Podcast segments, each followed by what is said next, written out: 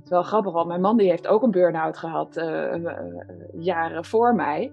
En ik herkende helemaal niet de overeenkomsten van wat hij had gehad en wat ik had. Dus ik had ook geen probleem en ik, ik zou even bijslapen. Nou, ik moet je eerlijk zeggen, ik heb dat maanden voor me uitgeschoven. Dat, dat begin van herstel weer. Want ik had gewoon geen idee wat ik moest doen. Burn-out en nu? Ben je helemaal opgebrand en denk je hoe nu verder? Dan is dit jouw podcast. Welkom bij de podcast Een Burn-out en nu? Waarin ik, Anne Lindenkamp, in gesprek ga met mensen die net als ik een burn-out hebben gehad met de vraag hoe was die periode nou voor jou? En ik deel mijn zoektocht naar verschillende coaches en therapeuten die jou kunnen helpen om weer uit je burn-out te komen.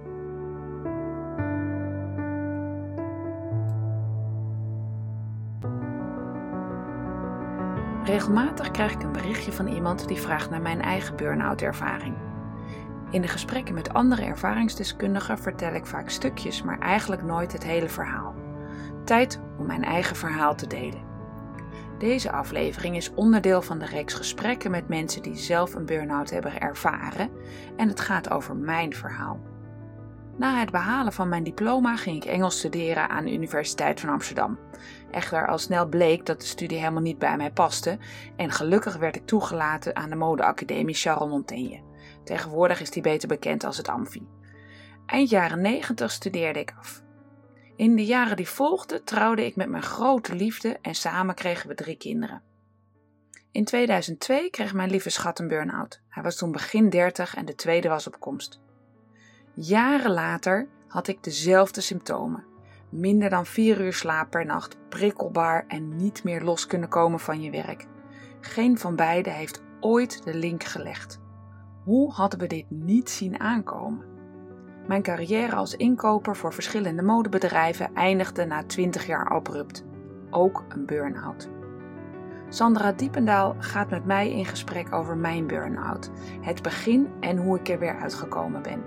Luister naar ons gesprek over alles goed willen doen, geen rust nemen, Vivaldi en Otto Lengi. Over opgebrand zijn, het traject Eerste Hulp bij Burn-out en herkennen en erkennen van een burn-out.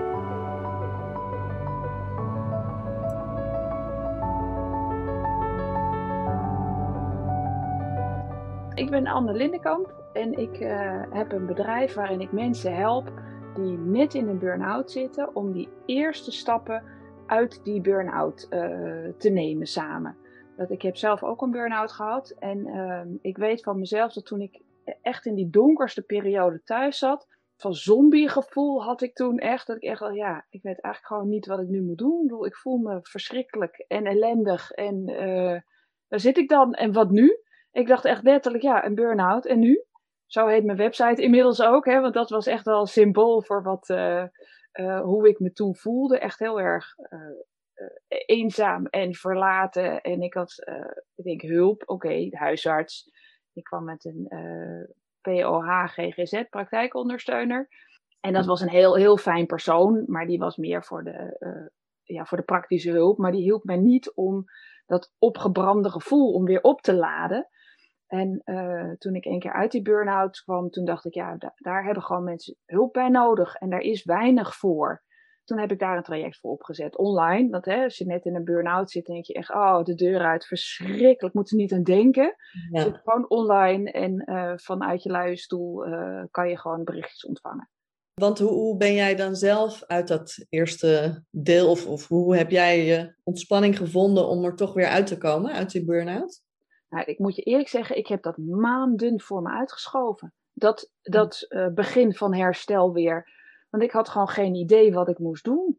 Uh, achteraf weet ik, oké, okay, je moet gewoon tot rust komen. Je moet rust nemen. Je moet fysiek opladen. Dus je moet niet einde gaan hardlopen en wandelen. Want iedereen zei tegen mij: Oh, maar je moet echt gewoon, je hebt nu vrij, je moet ervoor gaan. Je gaat genieten van je leven. Dus ik echt dacht: Oké, okay. ja. ik word dan moe bij het idee. Maar ik denk, nou, ik moet naar buiten. Dus ik sprak af met vriendinnen. En, en uh, ik had het verschrikkelijk druk. En ik dacht: Oh, nu kan ik eindelijk sporten gaan. En uh, dus ondanks, ik kon niet meer. Dacht ik, nou, toch maar sporten. En achteraf blijkt, je moet helemaal niet gaan sporten als je net thuis bent. Want je, je bent fysiek gewoon opgebrand. En als je dan nog meer gaat sporten, dan raak je nog meer opgebrand dan ik al was. Ja. Dus op die manier heb ik dat herstel echt, uh, echt maanden voor me uitgeschoven. Dus ik denk, nou, uh, nou ja, ik weet nooit wanneer dan die, dat keerpunt van donker naar een beetje naar boven is gekomen. Maar het heeft toch zeker twee maanden geduurd voordat ik weer begon aan herstel. En wat houdt dat dan in? Toen kon ik pas het opbrengen om rust te nemen. Want je moet je voorstellen, het was zomer, het was echt bloedheet en ik kon geen geluid er, uh, verdragen, ik kon geen licht verdragen, dus ik liep met de zonnebril. En uh, het liefst was ik in een kamer zonder geluid, maar dat kon ook niet, want het was te stil. Maar ook niet met geluid, want het was te veel prikkels.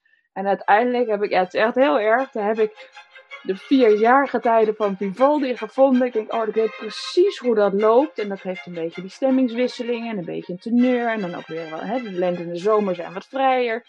En uh, dus toen heb ik dat gewoon de hele dag gedraaid. En daar, daar vond ik wel wat rust in. En vanaf toen ging het beter. Ja, oh, mooi is dat. Dus muziek heeft jou wel geholpen om, uh, om de ontspanning uh, te vinden, zeg ja, maar. of in ieder geval om de rust te vinden om niet meer alles te moeten en te gaan en lijstjes en dan moet ik nog dit en ik, kom, ik ben dol op koken, dat is echt een, een, een gezond eten, een enorme passie van mij. Dus ik, oh, nu kan ik los, dus er moest lekkere maaltijden en gezond voor de kinderen. En dus ik was helemaal in die mood drive die me eigenlijk ook in die burn-out uh, uh, gebracht had. Ja. En om daarvan los te komen, daar, uh, ja, ik had daar dus geen hulp bij. Dat programma wat ik heb ontwikkeld, had, ik heel graag gewild. Die me bij de hand nam en zei van nou, kom Anne, we gaan vandaag dus dit. Nee, dat dus niet.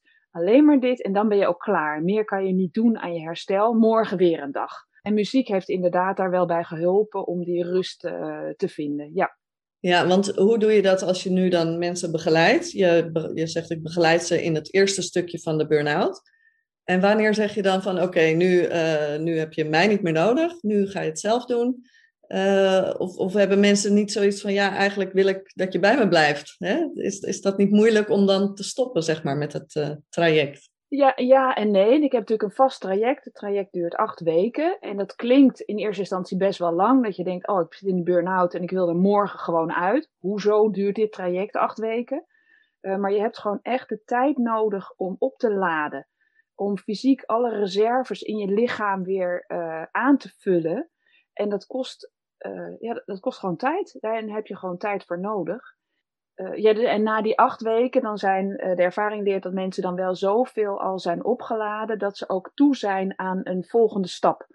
En ik ben, hè, ik, ik ben echt een mentor, dus ik neem echt mensen bij de hand en ik help ze, ik plant zaadjes onderweg.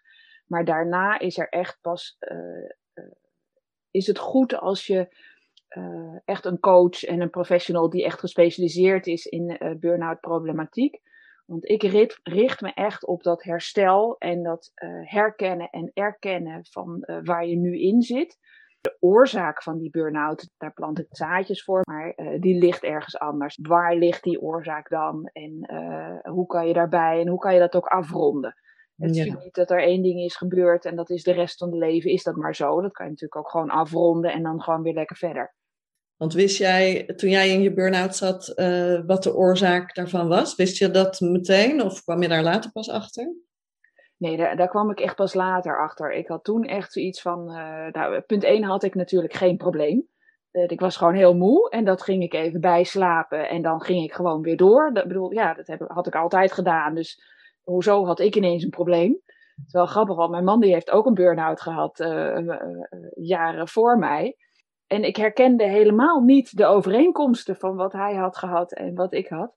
Dus ik had ook geen probleem en ik, ik zou even bijslapen. En later pas dacht ik, uh, toen ben ik daarover gaan lezen. En uh, hè, ook om dat traject goed voor te bereiden, heb ik uh, eindeloos boeken verslonden en mensen gesproken daarover.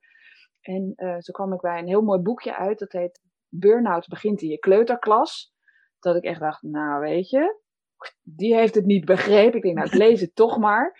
En daar, daar werd in genoemd van, uh, ben jij heel perfectionistisch? Toen dacht ik, nou, ik ben niet perfectionistisch, maar ik wil het wel graag goed doen. een van de symptomen, je wil het graag goed doen. Ik denk, oké, misschien ben ik dan toch perfectionistisch. En toen dacht ik, ja, ik heb gewoon altijd het te veel goed willen doen voor mezelf. Maar op een gegeven moment veegde ik mezelf een beetje uit en ging ik het te goed doen voor anderen. Dus ik, ik denk dat mijn perfectionisme te ver is doorgetrokken. En was niet meer goed voor mij, want ik vind het echt een kwaliteit, perfectionisme. Maar ehm, toen werd het gewoon te veel. En overal waar te voor staat, is natuurlijk niet de bedoeling. En te veel perfectionisme, dat werd, dat werd echt mijn valkuil. Ja. wat heb ik daar dan van geleerd? Ja, je moet gewoon niet altijd alles doen voor anderen. Hè? Als je in een vliegtuig zit, dan word je ook altijd krijg van die suffe instructies. Hè? Dan zit je daar met die dames die dat zo allemaal doen, met zo'n masker zo. En wat zeggen ze dan? Je moet eerst je eigen masker opzetten en dan pas anderen helpen. En toen heb ik altijd gedacht, ja, wat een onzin. Je wilt toch stel je kind zit naast je of er zit iemand anders, die, uh, hè, dan wil je gewoon altijd die eerst helpen.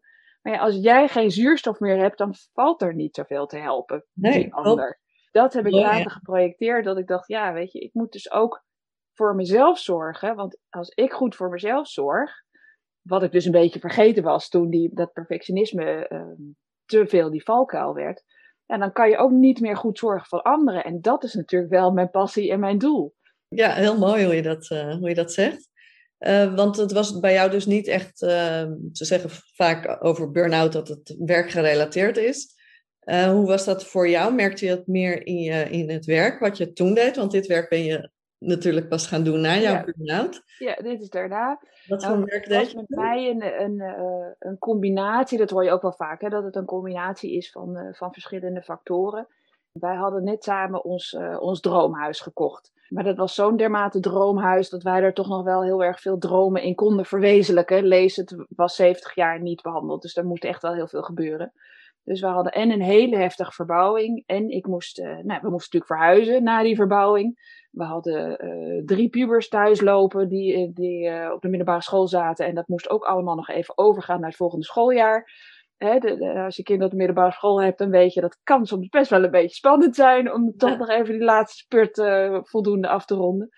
Dus hè, ik had en die verbouwing en een verhuizing en die drie kinderen. En ik uh, werkte als inkoper in, uh, in de mode. En daarvoor reisde ik ook heel veel naar Azië. En ik ben in die maand voordat we gingen verhuizen, dus midden in de verbouwing, tussen alle nieuwe vloerverwarming en tegels en hoe wilt u de badkamer, mevrouw, ook nog twee keer uh, naar China op en neer gereisd met, met een jetlag.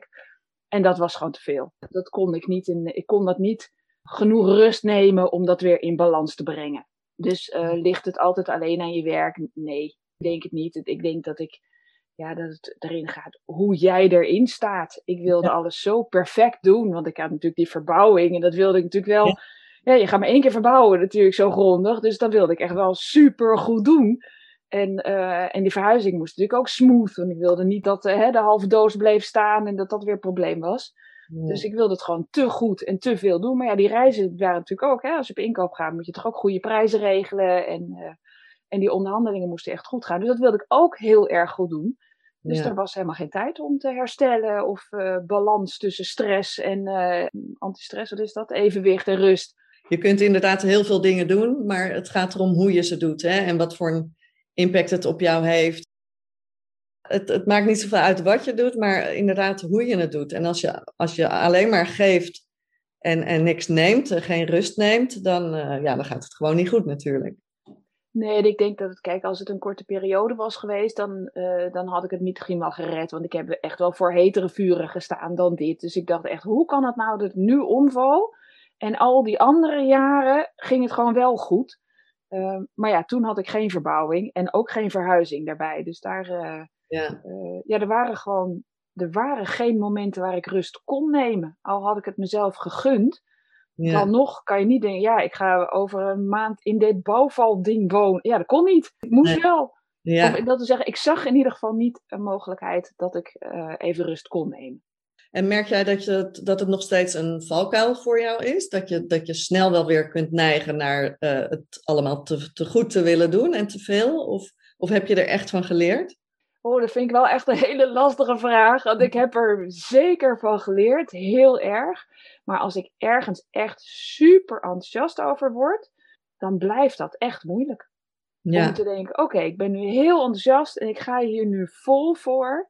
Maar dan moet ik dus ook die rust pakken. En dat als ik echt heel enthousiast ben, dan wil ik helemaal geen rust pakken. Dan wil ik gewoon door en dan zit ik in die vibe en dan denk ik gaan en nog meer. Ja. Ehm, maar daar kan ik nu gelukkig wel heel bewust mee omgaan. Denk ik, oh weet je, ik zit wel in zo'n rollercoaster. Je moet even uitstappen, want de rollercoaster blijft wel. Je mag morgen gewoon weer instappen. Eh, dus dat heb ik zeker geleerd. Ik ben er veel alerter op. Maar, maar ja, het blijft wel een punt om alert op te blijven, merk ik. ja, belangrijk om daarop te letten inderdaad. Ja, en wat er nu heel anders is, ik vond mijn werk altijd heel leuk. Gewoon, heel erg leuk.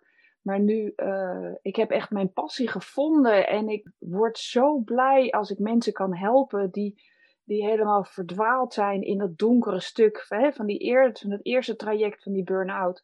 En uh, inderdaad vanuit die passie en die, uh, ik denk dat dit, dit is gewoon mijn ding ik van. En ik merk ook dat heel veel mensen blij worden als ik ze help. En dat is nieuw voor me, dat ik zo enthousiast ben over mijn werk. Want ben je meteen na jouw burn-out uh, gestopt met jouw uh, werk, met jouw uh, baan toen?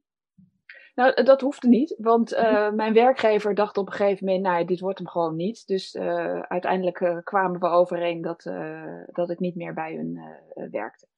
Dus dat was heel, heel jammer. Maar uh, dus ik heb ook geen reïntegratietraject uh, in die zin meegemaakt. Nee. Nou ja, zo moet het dan gewoon lopen ook, hè? Ja, ja. Ja, dat gaf wel mij, mij wel de ruimte om te denken, ja, en nu? Um, en, en daardoor kon ik dit prachtige uh, traject neerzetten. Het is echt, ja, ik heb echt eerste hulp bij burn-out kunnen neerzetten. Ja. Daar, dankzij mijn vorige werkgever eigenlijk. Mooi hoor. Nou, ik, ja, ik heb nog één vraag en dat is, wat zou jij de luisteraars mee willen geven? Wat zou jij ze kunnen adviseren om uh, niet te hoeven meemaken wat uh, jij hebt meegemaakt? Oeh, dat is ook wel zo'n gewetensvraag. Want als ik denk, zou ik naar mezelf geluisterd hebben, zo vlak naar ieder wijs woord, hè, zo vlak voor zo'n burn-out. Als ik heel eerlijk ben, zou ik echt denken, oh, fijn hoor dat jij mij wil helpen met zo'n lief commentaartje, maar ik doe er niks mee jij bent de sukkel en ik kan het allemaal wel. Ik weet niet of ik het gehoord zou hebben, maar wat ik, waarvan ik mezelf zou willen hebben, willen doordringen, is neem rust. Gun jezelf de tijd voor jezelf. En dat betekent niet dat je dingen voor jezelf moet doen, maar wel blijf bij jezelf. Uh, want met anderen zijn kan je ook nog bij jezelf blijven. Hè? Dus verdwijn niet helemaal in de ander. Um, dat had ik mezelf heel erg gegund. En dat zou me geholpen hebben om niet zo diep in die uh, burn-out te komen. Mooi. Ik vond het heel fijn om met jou uh, dit gesprek te hebben. En om te horen hoe, ja, hoe jij nu in het leven staat en hoe jij uit je burn-out eh, bent gekomen. Dus dank je wel daarvoor. Ja, jij dank je wel dat ik hier mocht zijn. Heel fijn om dit te kunnen delen. Help nog veel mensen, begeleid nog veel mensen met dat eerste deel van hun uh, burn-out. Ja, dat ga ik zeker doen. Ze kunnen terecht bij unburnoutennu.nl en dan wijst het zich vanzelf. Oké, okay, en daar uh, kunnen ze contact opnemen met ja, jou. Neem afspraak maken voor een kennismakingsgesprek.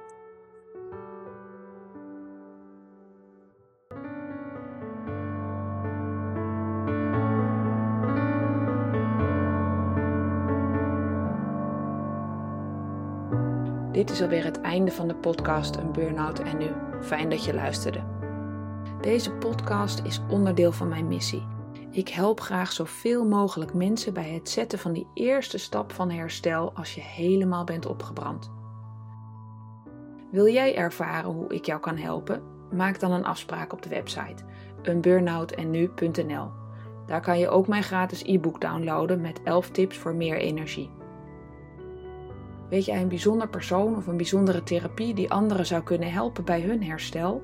Laat het me weten.